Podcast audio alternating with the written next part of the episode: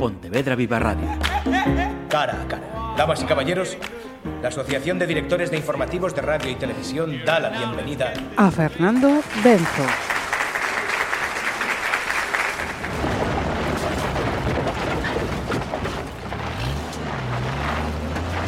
Embistió el terraplén sin aflojar la velocidad. El SEAT 124 se elevó durante unos segundos. El morro cabeceó como si fuese un caballo encabritado. Las ruedas cayeron con pesadez y los bajos del coche sonaron a cascajo al chocar contra el suelo. La carrocería crujió y una nube de tierra parduzca los envolvió impidiendo cualquier visión. El chungo soltó un aullido de placer. Se lo estaba pasando en grande. A su lado, Dardo dio tal bote que la cabeza le chocó contra el techo. En el asiento de atrás, Pello perdió el equilibrio y cayó a un lado. Pareció que el coche iba a deshacerse en pedazos pero aguantó el arreón y siguió adelante, campo a través, dejando atrás una estela de polvo. Tras ellos, apenas unos metros, los dos SEAT 131 de los polis dieron el mismo salto al toparse con el montículo de tierra. Se rehicieron más rápido que el 124 y pronto volvían a pisarles los talones. El chungo había sacado el coche de la calle de un volantazo, saltando por la acera, buscando terreno libre, un descampado en el que tendrían más posibilidades de librarse de sus perseguidores que si seguían en el asfalto. Pero ni siquiera en aquel espacio abierto lograban dejarlos atrás. El chungo se echó a reír, con una risa idiota y salvaje. Pon la música, gritó. El cuerpo echado hacia adelante, la espalda separada del asiento, los ojos desbocados por las ganas, fijos al frente. Dardo apoyaba una mano en el salpicadero y con la otra se agarraba al asidero de encima de la ventana tratando de mantener el equilibrio. El chungo hacía zigzaguear al 124. Buscaba levantar polvo para entorpecer la visión de los polis y sacarles ventaja con giros inesperados, consciente de que los coches policiales tenían un motor más potente y pronto les darían caza si se mantenía en línea recta. ¿Qué quieres? Que pongas la música, joder, que sin música no sé conducir. Dardo miró al chungo. Saltaba a la vista que se estaba divirtiendo. Para el chungo la vida era siempre como una escena de película. La música sonaba de fondo, los peligros eran de mentira, los policías eran panzones y torpes y siempre perdían. Y ellos eran los buenos, los que nunca acababan ni en el talego ni con una bala en el corazón. Dardo se mantuvo a duras penas erguido mientras metía el cartucho en el radiocassette del coche y el chungo daba un par de volantazos más, uno a la derecha, otro a la izquierda. Un derrape, otro crujir de la chapa, la protesta de los neumáticos. Los chichos empezaban a cantar. Detrás, Pello había logrado incorporarse y se giraba para mirar a través del cristal trasero y de la polvareda que levantaban a su paso. Se nos están echando encima, dijo. Nos alcanzan. Y una mierda, le respondió el chungo. Si tienes miedo, paro y te bajas. No digas gilipolleces. Pues no me toques los huevos y a callar, que soy yo el que conduce. El chungo repitió el aullido. Aún estaba de subidón. Se había metido un par de pirulas de dexedrina se las había tomado allí mismo, sentado en el coche, a menos de 100 metros de la ferretería. Él ya estaba en la heroína. Las pastillas eran para cuando iban a dar un palo, y siempre dejaba bien claro que solo las tomaba para ponerse un poco a tono, para coger brío, que no valentía, que de eso no le faltaba. Dardo y Pello se habían fumado un porro, un poco de grifa. El chungo no tenía pastillas para los tres. Después de tragarse las pirulas, arrancó y recorrió el corto trecho. Aparcó justo enfrente de la ferretería y se bajaron y entraron. Había dos clientes, una pareja de abueletes. Pello, navaja en mano, los empujó a una esquina de la tienda. A él le quitó el reloj, a ella le arrancó una cadenita del cuello. Confió en que ambas cosas fueran de oro. El chungo le partió la nariz al dependiente de un puñetazo sin mediar palabra. Dardo saltó por encima del mostrador y vació la caja. Se metió los billetes apuñados en los bolsillos. Unas veinte mil pelas, anunció. Menuda mierda, protestó el chungo, y desahogó su rabia dándole un segundo puñetazo en la cara al dependiente que aún gimoteaba y se sorbía la sangre. El abuelo, que estaba frente a Pello, dijo con ánimo colaborador, casi como si le diese pena la frustración de aquellos chicos. Si ustedes quieren, les entrego mi cartera. Algo más habrá. Pero no nos hagan daño a mi señora y a mí, por favor. La mujer a su lado miraba a Pello con ojos de espanto. El chungo se olvidó del dependiente y fue junto a ellos. A ver, esa cartera. El abuelo solo llevaba 500 pesetas. Menuda mierda, sentenció el chungo y lo rubricó dándole al viejo un puñetazo en la boca del estómago. El hombre cayó de rodillas con un bufido ahogado. La mujer dio un grito de pánico. Pincha la vieja, le dijo el chungo a Pello. Venga, no me jodas. El chungo se echó a reír. Cagao, le dijo, y se olvidó del asunto. Apenas estuvieron tres o cuatro minutos en el establecimiento. Un trabajo fácil. Corrieron hasta el coche y nada más arrancar aparecieron los dos zetas, Algún vecino los habría visto y había dado el aviso. Mejor. El chungo gritó feliz. Disfrutaba más con la huida que con el palo en sí. Pisar acelerador, quemar rueda, llevar a la poli detrás, creerse Steve McQueen. Se habían hecho con el 124 media hora antes. Pello era al que mejor se le daba abrir los coches con una percha a través de una rendija en la ventanilla y arrancarlos después haciendo un puente con los cables. El chungo solo había exigido que pillasen un coche en el que pudiese escuchar su cartucho de los chichos, que para animarse antes de un palo necesitaba tanto la música como las pirulas. La ferretería la había elegido Dardo, que se conocía bien aquella zona de Villaverde Alto. Cada uno tenía su tarea, estaban organizados. El chungo era el jefe de la banda y el que conducía. Dardo era el segundo, el cerebro, el que daba vueltas por ahí y luego volvía a los recreativos cosmos y decía dónde dar el palo. El de la ferretería parecía sencillo, pero el resultado era decepcionante. 20.500 pesetas apenas daban para un gramo de heroína. Y de la mala, de la más adulterada. Aquella cantidad solo llegaría para cubrir las necesidades del chungo. No quedaría nada de aquel escueto botín para el resto. Pero lo que más cabreaba a este era regresar a los recreativos como un pringado. Le restaba autoridad ante los otros. Por eso le alegró más aún de lo habitual que apareciese la pasma. Por lo menos podría narrarles una buena persecución de coches. El chungo, a sus 15 años, era un conductor temerario pero seguro. El 124 iba al máximo de su velocidad y los polis no lograban más que mantenerse a rebufo, sin lograr darle caza. Llevaban ya cerca de 10 minutos de carrera. Sabía que tenía que arriesgar un poco más si quería perderlos. Dio otro volantazo y derrapó en la tierra. La parte trasera golpeó una piedra y el coche se levantó del golpe. Dardo volvió a dar con la cabeza en el techo y se cagó en sus muertos. El chungo le miró. ¿Prefieres conducir tú enterado? Piérdelos de una vez, joder, que ya está bien de esto. Gritó Dardo para hacerse oír por encima de la música. El chungo aceleró. El descampado llegaba a su fin. El límite lo marcaban unas vías abandonadas que apenas sobresalían de la tierra. Se puso serio. La protesta de Dardo le había cortado el rollo. Vale, dijo de mala gana. Pues nos vamos. El coche saltó por encima de las vías. Traqueteó adelante y atrás. Fue un error. El chungo no lo habría cometido de no haberle puesto de mala leche el quejica de Dardo. El neumático trasero izquierdo estalló. Al otro lado de las vías había un terraplén de pendiente pronunciada. Los dos coches de policía frenaron antes de atravesar las vías. Los agentes se quedaron dentro, viendo lo que ocurría. El 124 volcó, dio una vuelta de campana y acabó estrellándose contra el único árbol que crecía en mitad de la pendiente.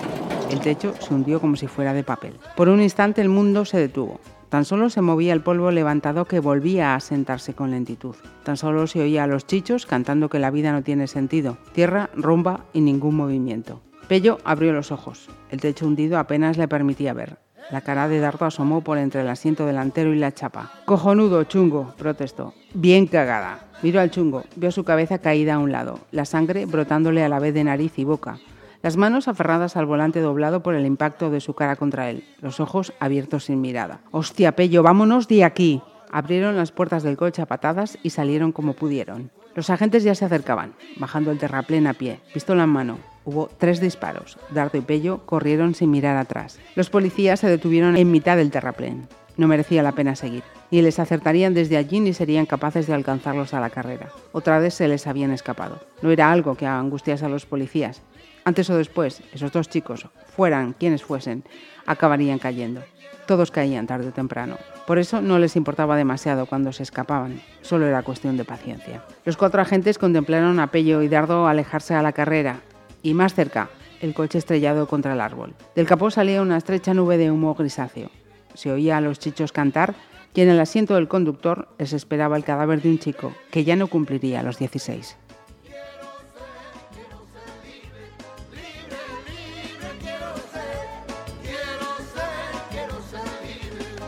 Fernando Benzo Díaz lleva semanas haciendo campaña. Y no me refiero a la política, ya que hago un paréntesis, además de escritor, también es director general de deportes en la Comunidad de Madrid.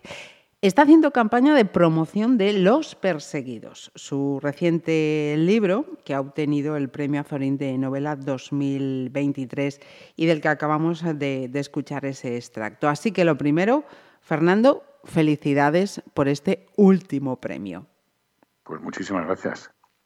Mira, mm, quería comenzar con, una curiosidad. Um, cuando te pusiste a escribir Los Perseguidos, em, tú escribiste con la intención de decir, bueno, mm, premios posibles a los que me puedo presentar o escribes mm, contando con que tu trayectoria como escritor ya te digamos, tiene una garantía de que hay una editorial que te, que te respalda. ¿Cómo se pone uno a comenzar ese, ese proyecto? Pues, ni se te pasa por la cabeza. Es decir, yo eh, me presentaba a premios literarios eh, cuando empezaba a escribir, porque además había un circuito muy grande de premios literarios. Había mm, prácticamente mm, todos los ayuntamientos, las diputaciones provinciales, cajas de ahorro convocaban diferentes premios y yo me iba, me iba presentando un poco para, para intentar dar a conocer lo que, lo que escribía. Luego dejé de presentarme durante muchísimos años y cuando acabé de escribir Los Perseguidos, que, la escribí sin, sin, pensar en absoluto en ello, me di cuenta que era una novela que tenía, no sé cómo decirlo, empaque suficiente para, para poder aspirar a un premio. Y había perdido el contacto con el mundo de los premios literarios, pero el premio Azorín mm, me había seguido acompañando siempre porque me había presentado él muy jovencito, con, no sé si con la primera o la segunda novela que escribí, por supuesto no lo había ganado, pero siempre había seguido la pista, ¿no? Era un premio, bueno, pues que tenía algo especial, que, que, un premio muy literario, muy, muy de, escritores que me gustaban, así que bueno, cuando de pronto se me, se me encendió la idea de, oye, quizás Los Perseguidos sería una buena novela para volver al mundo de los premios, el que me vino al momento a la cabeza, el que, el que automáticamente me atrajo fue, fue el premio Azorín. Bueno, pues pude saldar esa deuda que tenía conmigo mismo con este, con este premio. Y creo que Hugo Vanderbilt ha conquistado ese jurado de forma unánime. No me extraña tampoco.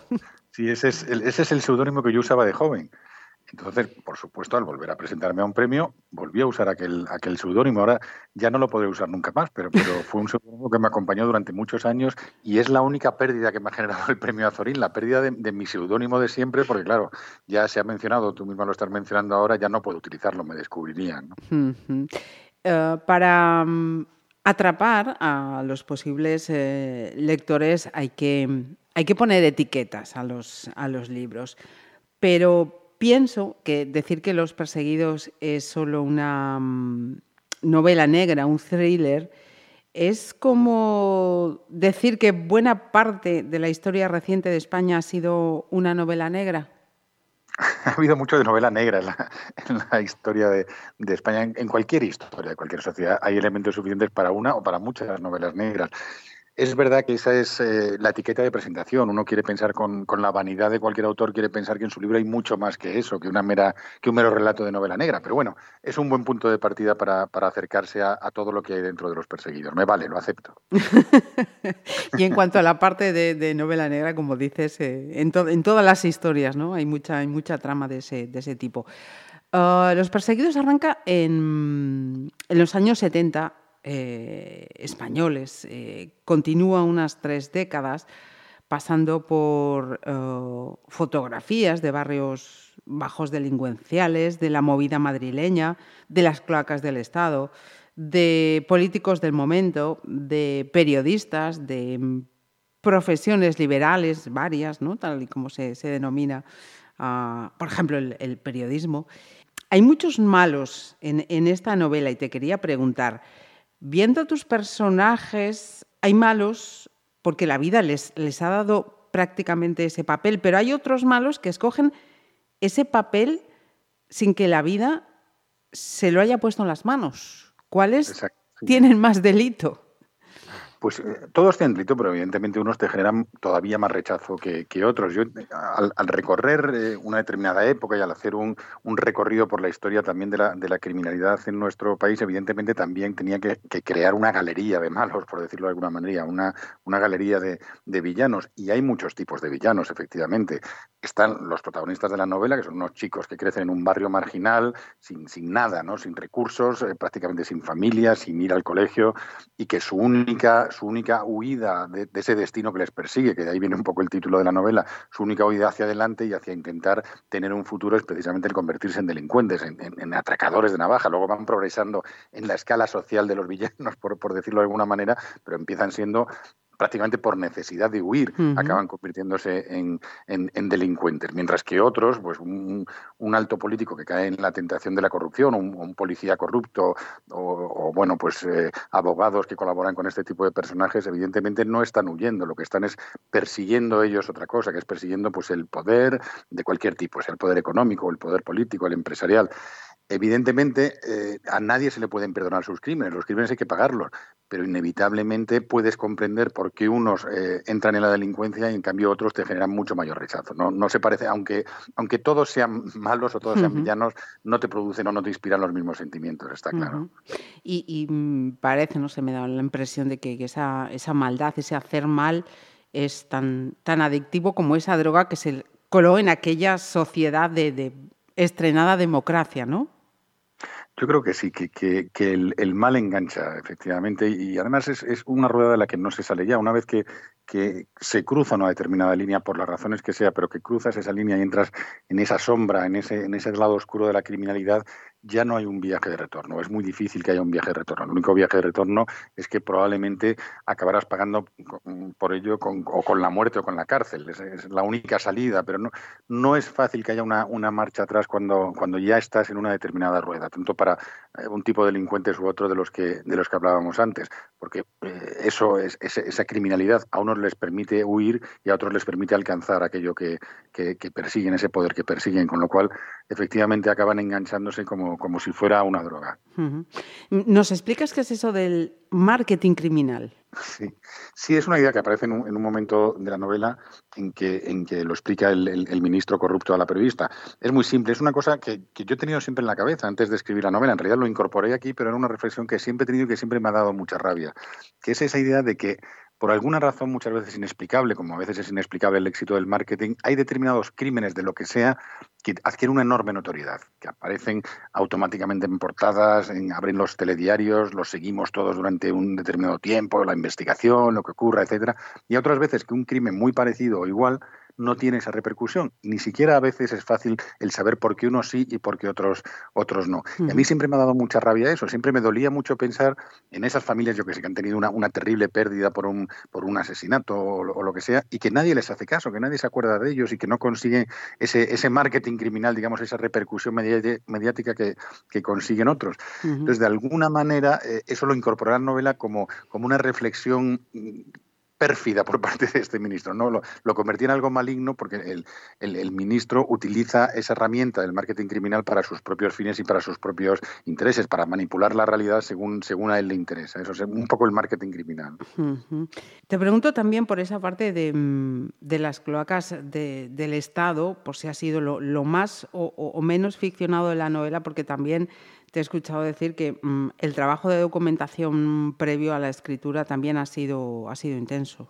Eh, me he documentado en todo, incluso en, esto te diría que a lo mejor menos que en otras cosas que me podían quedar mucho más lejos, como era pues cómo funcionaban eh, las bandas de los años 70 o de los años o de los años 80. En lo que es la corrupción política, bueno, pues eh, digamos que, que, que todos tenemos una referencia de, cómo pueden funcionar eso más o menos y he tirado de experiencia, no en el término de corrupción, sino en la construcción del escenario en que ésta se produce, ¿no? en, lo que es la vida de la alta política o la vida de la administración o las relaciones entre, entre la política y el periodismo, en fin, una serie, una serie de, de, mimbres que me permitían construir ese, ese escenario necesario para desarrollar la, la trama de corrupción pero quizás de lo que más, desgraciadamente, de lo que más sabemos hoy en día, eh, la gran mayoría de los ciudadanos es de, es de corrupción. Quizás sea mm. más difícil el documentarte sobre cómo funciona pues una, una, no sé, una red de tráfico de drogas en los años 80, ¿no? que, te queda, que te queda mucho más lejos. Eh, desgraciadamente de la corrupción sabemos todos bastante.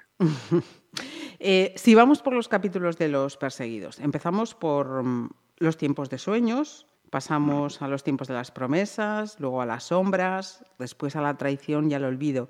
Y mm, ahora es tiempo de qué, Fernando? Eh, para, para, estos perseguidos yo creo que sería tiempo de, de hacer una reflexión para en general los tiempos que vivimos ahora, yo creo que todos los tiempos, este y cualquiera, al margen de que sea tiempo de otra cosa, siempre tienen que ser tiempo de esperanza. También para, para los personajes de la novela que quedan al final de la novela, también tiene que quedar la esperanza de, del tiempo que les queda por delante. Pues eso, yo creo que eso es aplicable a todo. Sean como sean los tiempos que nos toquen vivir, a todos, a personajes ficticios o a personajes reales, cualquier tiempo tiene que ser tiempo de esperanza. Si no tienes esperanza, es un tiempo muerto, con lo cual eh, de eso hay que huir. ¿no? siempre hay que vivir en un tiempo de esperanza, sean cuales sean las dificultades con las que te encuentres. ¿Eso eh, es, el escritor o es el servidor público quien lo dice? No, no, ninguno de los dos. No, no, es el ser humano. Es el ser humano. En este caso, no es ninguna de mis múltiples personalidades. No, no. lo, digo, lo digo directamente como ser humano. Yo creo que, que si uno. Eh, eh, sea escritor, sea cargo público o sea lo que sea, renuncia a la esperanza, se muere. Con lo cual, eh, en este caso te lo digo como una, como una reflexión general, válida para la ficción y válida para la, realidad. Habría que, prescribirla, ¿eh?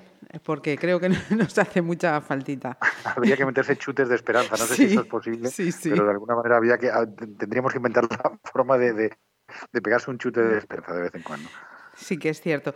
Mire, y para ir terminando, una, mm, una pregunta con un aderezo irónico. ¿De quién eh, te están llegando las críticas más favorables sobre los perseguidos? ¿De los afines al gobierno madrileño o de los que están en la oposición?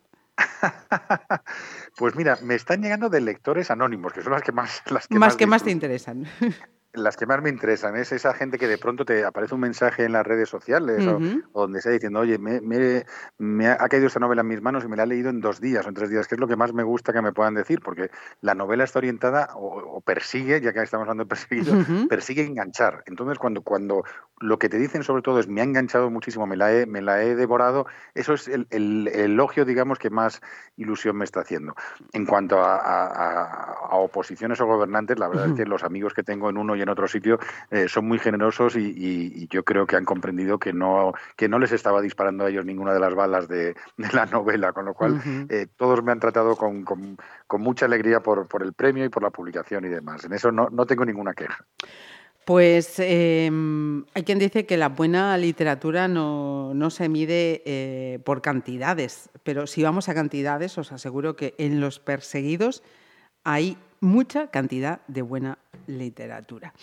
Fernando Benzo, muchísimas gracias por este tiempo. Nada, muchísimas gracias a ti, de verdad. Pontevedra Viva Radio. ¿Me permiten que les haga un comentario como espectadores del programa Cara a Cara? Según un reciente sondeo de mercado, ustedes disponen de estudios e inteligencias superiores a la media. Sus intereses abarcan desde la actualidad mundial y la ciencia hasta el deporte y los espectáculos.